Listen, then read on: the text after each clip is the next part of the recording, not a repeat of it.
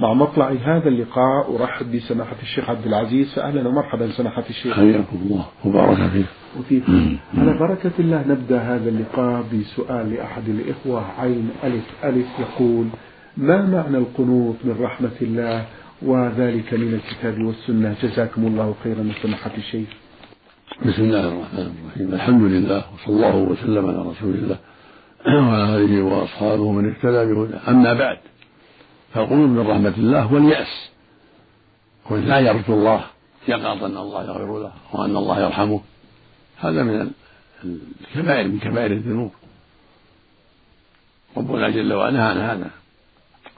قال جل وعلا قل يا عبادي الذين أسرفوا على أنفسهم لا تقنطوا من رحمة الله. قال تعالى انه لا لا يأس من روح الله إلا القوم الكافرون. فلا يجوز لأحد أن يقنط من رحمة الله يعني ييأس. لكفره أو لمعاصيه بل عليه التوبة والرجوع إلى الله والانابه اليه وله البشرى لأن الله يقبل توبته ويعظم أجره ويجازي على ما فعل من الخير. أما اليأس والقنوط لأجل سوء العمل فهذا من تزيين الشيطان ولا يجوز. بل يجب على العبد الحذر من ذلك ولا يقاط ولا ييأس. بل يرجو رحمة ربه يرجو أن الله يتوب عليه يرجو أن الله يتقبل عمله. ولا ييأس نعم. جزاكم الله خيرا. هذه السائل السائل عين عين مصر الجنسية يقول هل من الحلال للنساء أن تقوم بذبح الطيور أو اللحم المحلل؟ جزاكم الله خيرا. هل هل. هل من الحلال للنساء أن تقوم بذبح الطيور أو اللحم المحلل؟ أفيدونا بذلك. جزاكم الله خيرا. لا بأس بحق النساء حق الرجال. الذبح تذبح المرأة تذبح الرجل الخروف والدجاج والحمام وغير ذلك مما أباح الله. النبي صلى الله عليه وسلم أقر ذبيحة المرأة. إذا ذبحت وهي تحسن الذبح فلا بأس. ليس خاصة بالرجال. إذا كانت تحسن الذبح تذبح الذبيحة الذبح الشرعي بسكين حادة فلا بأس. مثل الرجل. لا فرق في ذلك. نعم.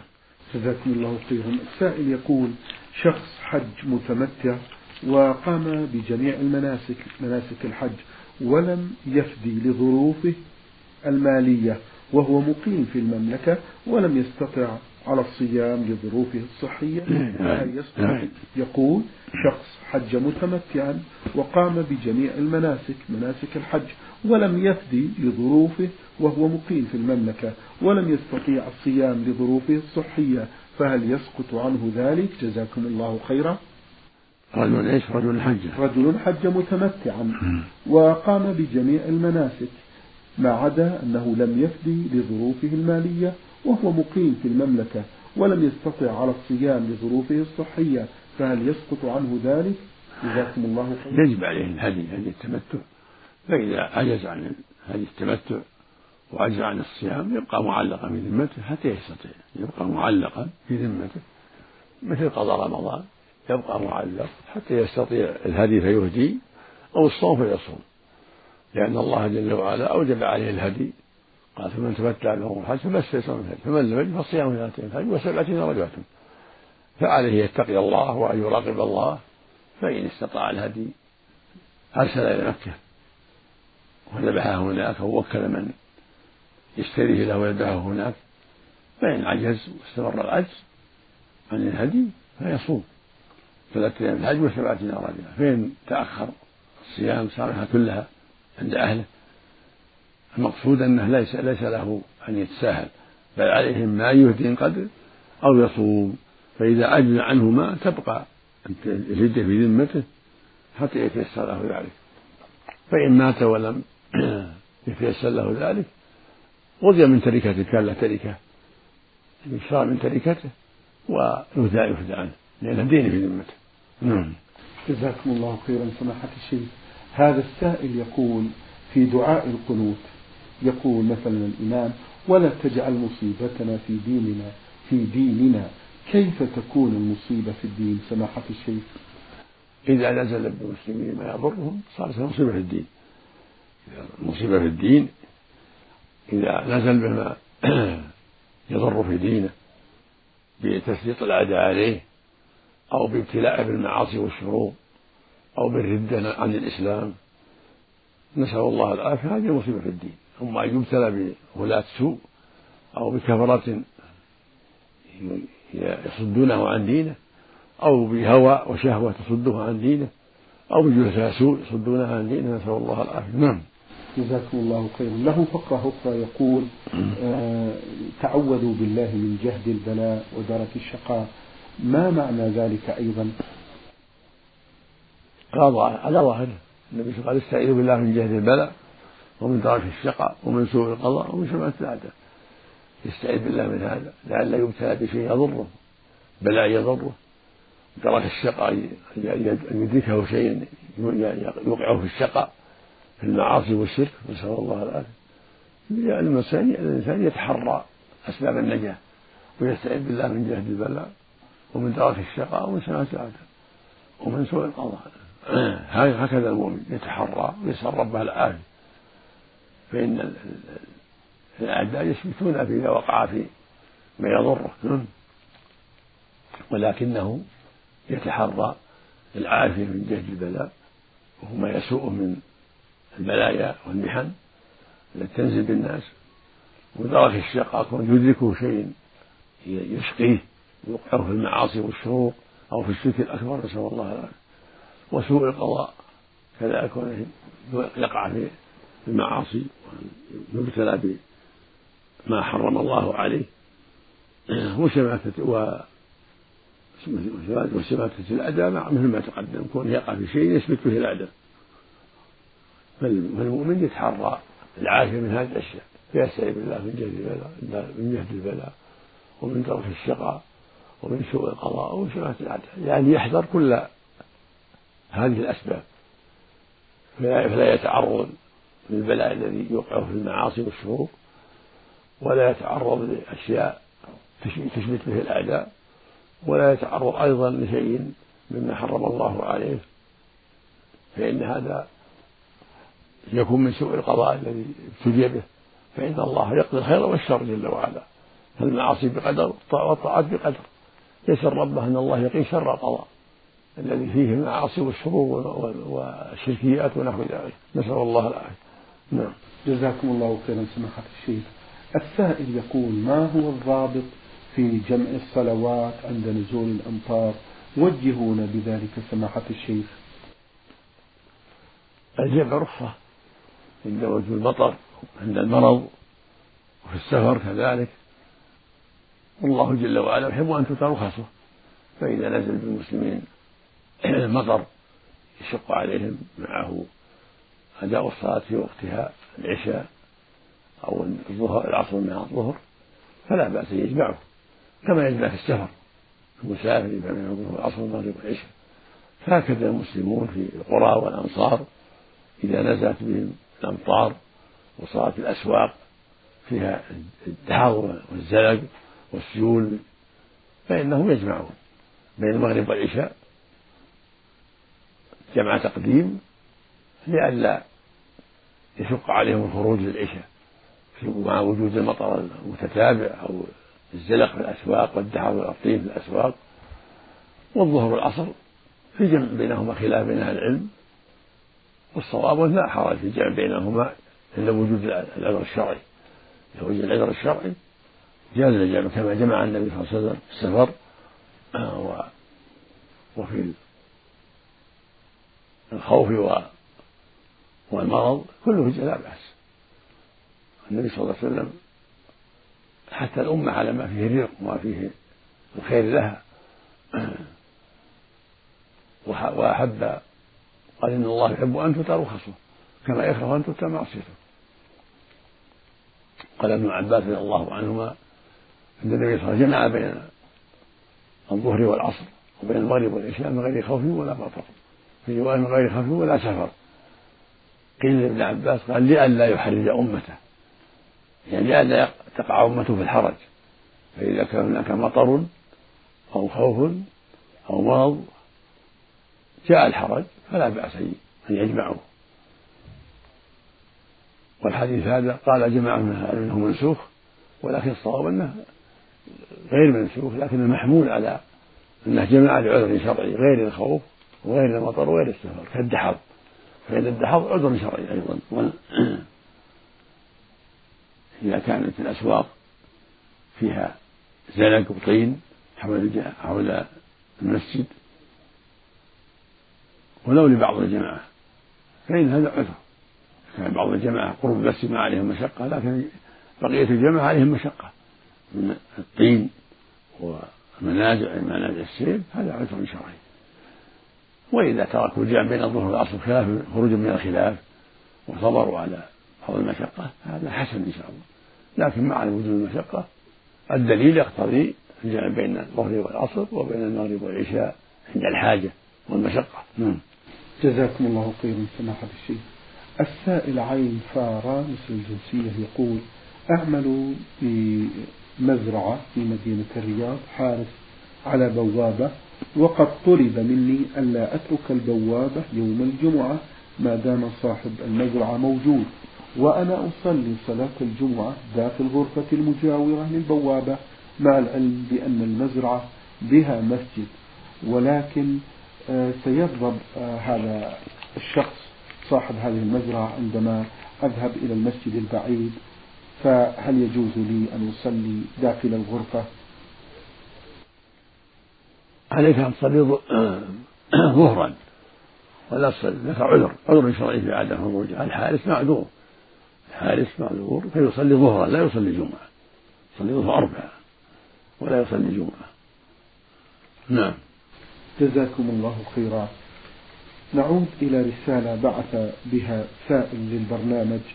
يقول في هذا السؤال مصر الجنسية هو يعمل بالمنطقة الشرقية يقول أشاهد أثناء الوضوء البعض من الناس يمسحون على الشراب الجورب أي ما يلبس في القدم فما حكم ذلك؟ وما هي ظروف وشروط المسح على الشراب؟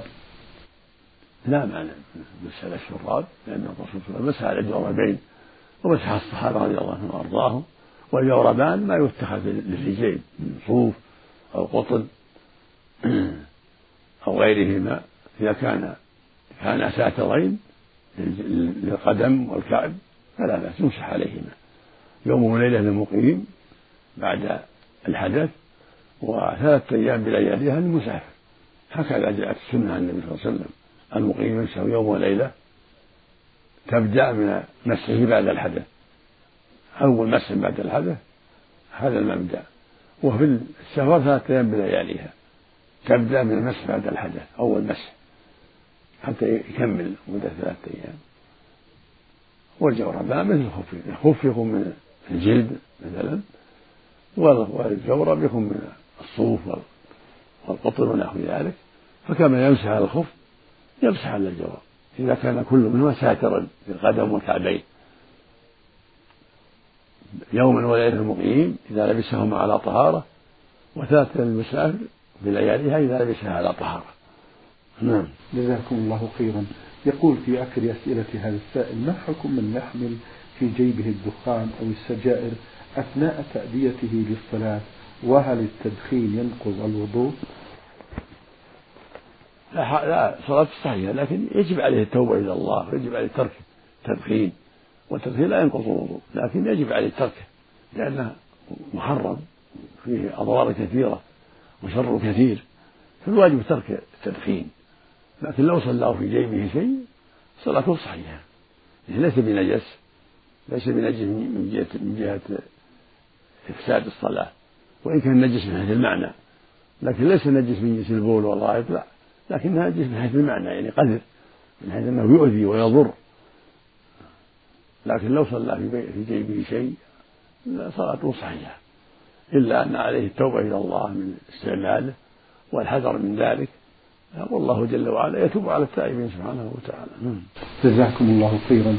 هذه التي رمزت باسمها بألف ألف تقول بأنها فتاة في الثلاثين من العمر متزوجة وأم لأطفال من زوج ملتزم بالشرع الإسلامي وتحمد الله على تقول بأنها فتاة في الثلاثين من العمر متزوجة وأم لأطفال ومتزوجة من رجل ملتزم بالشرع الإسلامي. والحمد لله والمنة على ذلك. تقول ولكن مشكلتي هي في أن لي إخوان وأخوات يوجد في بيوتهم منكرات وزوجي يقول ويمنعني من زيارتهم ويقول لا يجوز لك أن تقومي بزيارتهم أو تذهبي إليهم. ويقول لي بأنه سمع من المشايخ بأنه لا يجوز الذهاب إلى من لديه منكرات في بيوتهم ولا صلة لرحمهم في ذلك إلا بالتلفون. توجهون سماحة الشيخ. لا شك أن وجود المنكرات في البيت إذا كانت ظاهرة من المستورة يستحق أهلها الهجر. من أبدى المعاصي وأظهر المعاصي يستحق الهجر. إما سنة وإما واجب. اختلف العلماء هل الهجر سنة أو واجب؟ قال بعضهم يجب إذا كان يترتب عليه ترك المنكرات. أما إذا لم يترتب عليه ترك المنكرات فهو سنة مؤكدة. وقال بعضهم بل يجب مطلقا. قد هجر النبي صلى الله عليه وسلم ثلاثة من الصحابة تخلفوا عن الغزو بغير عذر هجرهم خمسين ليلة حتى تاب الله عليه وهجرهم الصحابة. فالذي يبدي المعاصي ويظهرها ولا يبالي يستحق الهجر سواء كان أخا أو عما أو غير ذلك. وهكذا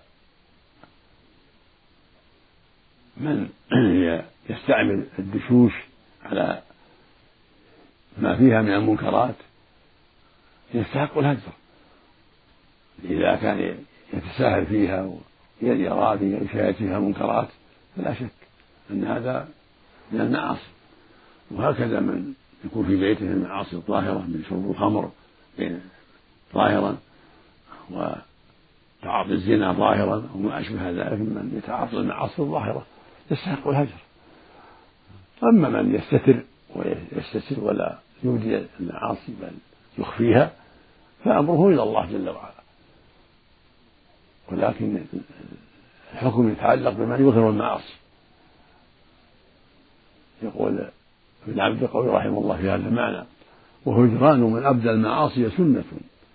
وقد قيل أن يردعه أوجب وأكدي وقيل على الإطلاق ما دام معلنا ولاقه بوجه مكفهر مربد.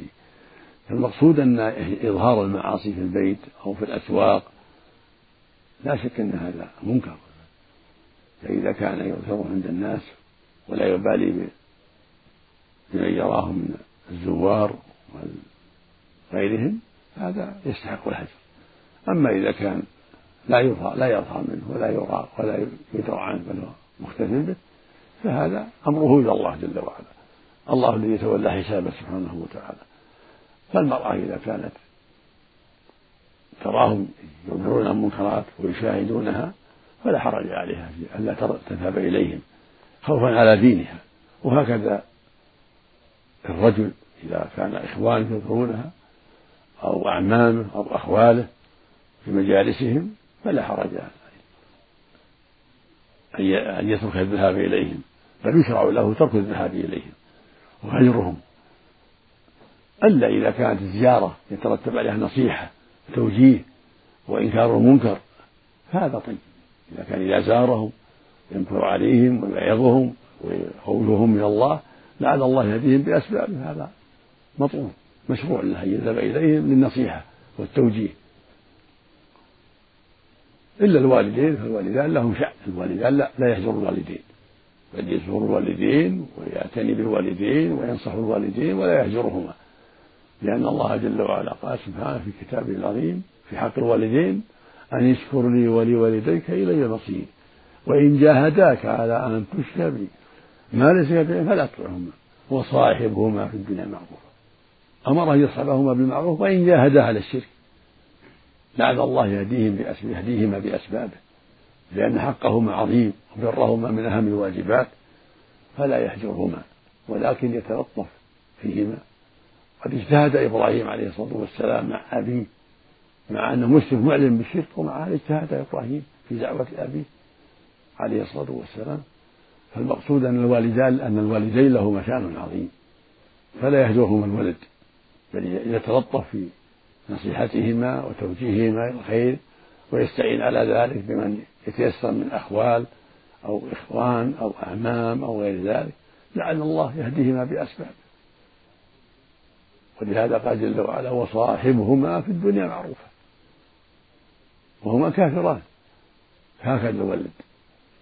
يعتني بوالديه يصحبهما بالمعروف وينفق عليهما إذا احتاج إلى نفقته.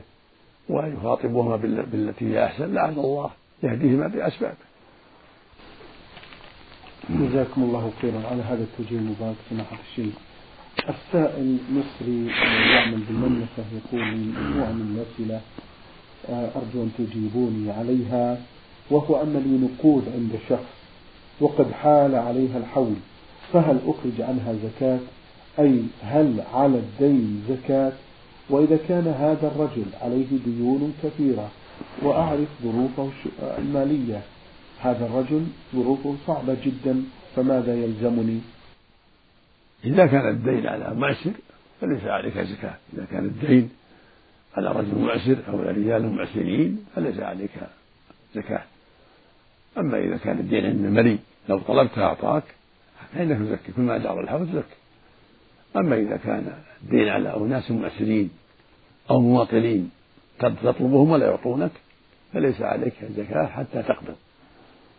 لأن الزكاة مواساة وهؤلاء لم يعطوك حقك إما لمطل وعدم مبالاة وإما لعسر وعدم قدرة. فلا تلزمك الزكاة حتى تقبض منهم. ويحول الحول نعم. هل العمرة في أشهر الحج فيها شيء من الإلزام بالحج أو غيره كما قال بعض الناس؟ لا. لكن أفضل العمرة في القعدة كما اعتمر النبي صلى الله عليه وسلم وفي رمضان. وإذا كان اعتمر مرة كفى. الواجب مرة واحدة حج مرة وعمرة مرة بس. وما زاد هو سنة نافلة. جزاكم الله خيرا سماحة الشيخ. هذا السائل الذي أرسل بمجموعة من الأسئلة لم يكتب آه، الاسم في هذه الرسالة يقول أحببت أن أذهب إلى العمرة ولكن ينقصني المال الحلال الصافي فهل يجوز أن أذهب على نفقة الجامعة أو على نفقة الوزارة؟ جزاكم الله خيرا. أو على نفقة والدي إذ أن ماله مخلوط من الحلال والحرام. جزاكم الله خيرا. لا حرج في ذلك. أن تذهب على حساب الجامعة أو على حساب بعض المحسنين أو حساب والدك لا حرج في ذلك. ولكن إذا تيسر لك مال طيب سليم تنفقه على نفسك كان أطيب وأكمل. إذا تيسر لك مال من كسبك طيب تحج به وتعتبر به هذا أكمل وأفضل. وإذا حجزت مع غيرك مع الجامعة أو مع غير الجامعة أو مع أبيك أو من مال أبيك المخلوط فلا حرج. نعم. جزاكم الله خيرا. يقول هذا السائل هل النقطة عند الإشهار بها سنة كاملة يجوز الاستفادة منها وأخذها أم لا؟ نعم إذا وجد نقطة نقطة وهي دراهم أو متاع وعرفه سنة كاملة فإنها تحل له تكون من ماله إذا لم تعرف إذا عرفها سنة كاملة فلم تعرف صارت كسائر ماله كما أخبر النبي صلى الله عليه وسلم أخبر من له وجد لقطة أن يعرفها سنة. فإن عرفت وإلا فهي له كسائر ماله كل شهر مرتين ثلاث أربع في مجامع الناس. من له اللقطة من له الدراهم من له الجنيهات من له الملابس من له الأواني من له الشاة الشاة من له العنز. يبين. ولا يخفي بعض الصفات حتى يجي من يعرف صفاته الخاصة. فإذا ما يعرف صفاتها الخاصة أعطاها إياه فإن مضت السنة ولم يأتي أحد فإنه يملكها. إلا إذا كانت من لقطة الحرم لا. لقطة الحرم لا تملك. وهكذا لقطة المدينة لا تملك. أما غير الحرم الحرمين تملك إذا عرف لها سنة. وأما الإبل فلا. الإبل والبقر لا تملك. لا يزال يعرفها لأن معها سقاء تلد الماء وتكون الشجر لكن إذا كانت اللقطة من الغنم أو من النقود أو من الأمتعة كالملابس والأواني فلا بأس. يعرفها سنة كاملة في غير الحرمين فإن عرفت وإلا فهي له. إذا كان يعرفها كل شهر مرتين ثلاث أربع يعني يجتهد في تعريفها حتى يبرئ ذمته. نعم. جزاكم الله خيرا سماحة الشيخ. هذا السائل حسين صالح من اليمن يقول البعض من الشباب هذه الأيام وأنا من ضمنهم يقول يشكو من كثرة وقت الفراغ فكيف يمكن للمسلم أن يشغل وقته؟ جزاكم الله خيرا. الوقت ثمين أعز من الذهب. ينبغي يشغل بما ينفع قراءة القرآن التسبيح والتهليل والذكر بحضور مجالس العلم وحلقات العلم بزيارة عيادة المريض بالإكثار من قراءة القرآن بالجلوس في بيته يذكر الله ويقرأ القرآن ويستغفر ويدعو يعني يستقل الوقت حتى لا يضيع عليه. ومن أحسن ما يستغله فيه قراءة القرآن والإكثار من ذكر الله والصلاة تطوع. فإذا تيسر له أن يعود مريضا من إخوانه أو يزور صديقا له يعينه على الخير أو يذهب إلى حلقة علم إن وجدت يحضرها أو ما أشبه ذلك. يعني هذا الوقت يحفظه فيما ينفعه في دينه أو في دنياه أو في مزرعته لسقيها وقيام بحاجاتها أو في السوق لطلب الرزق سوق البيع والشراء لطلب الرزق ويتحرى الحلال ويحذر شهادة الزور ويحذر الكذب ويحذر الغش. فلا بأس كله طيب. جزاكم الله خيرا. يقول هذا السائل من اليمن البعض من الناس قد يموتون في تهدم عمارة وبالتالي يصعب نقلهم ودفنهم في قبور المسلمين فهل يعذب هؤلاء بعذاب القبر؟ وهم في أماكنهم أم ماذا جزاكم الله خيرا؟ يقول البعض من الناس قد يموتون بسبب تهدم عمارة عليهم وبالتالي يصعب نقلهم ودفنهم في قبور المسلمين. فهل يعذب هؤلاء بعذاب القبر وهم في أماكنهم؟ أم ماذا جزاكم الله خيرا؟ كل ميت يمتحن في أي مكان في البر أو في البحر. أو في هدم أو في غيره. ترسل إليه الملك فيمتحنه فإن كان سعيدا حصل له النعيم ونقلت روحه إلى الجنة. وإن كان شقيا حصل له العذاب وصارت روحه إلى النار. نسأل الله العافية. فالمؤمن على خير مهما كان في هدم أو في بحر أو في أي مكان على خير عظيم. ويصل إليه النعيم في محله. وروحه تنقل إلى دار الكرامة إلى الجنة كما جاء في الحديث الصحيح. أن أرواح المؤمنين طائر يسرح الجنة. وأرواح الشهداء في أجواف طير الخلد تسرح الجنة حيث شاءت. ثم تأوي إلى قناديل معلقة تحت العرش. والمؤمن يرى مقعده من الجنة ومقعده من النار. فيقال هذا مقعدك من الجنة. نعم. ويأتيه من ريحها ونعيمها. وهذا مقعدك من النار. كفاك الله إياه ومنعك منه بسبب طاعتك وتوحيدك. والكافر ضد ذلك. فالمقصود أن الميت في أي مكان في هدم أو في غيره يناله ما وعده الله من خير وشر. نعم. شكر الله لكم سماحة الشيخ وبارك الله فيكم وفي علمكم ونفع بكم المسلمين. أيها الإخوة الأحباب أيها الإخوة المستمعون الكرام أجاب عن أسئلتكم سماحة الشيخ عبد العزيز بن عبد الله بن باز. المفتي العام للمملكة العربية السعودية ورئيس هيئة كبار العلماء. شكر الله لسماحته على ما بين لنا في هذا اللقاء الطيب المبارك. في الختام تقبلوا تحيات الزملاء في إذاعة القرآن الكريم. معي في الإذاعة الخارجية الزميل المهندس فهد العثمان من هندسة الصوت سعد عبد العزيز خميس والسلام عليكم ورحمة الله وبركاته.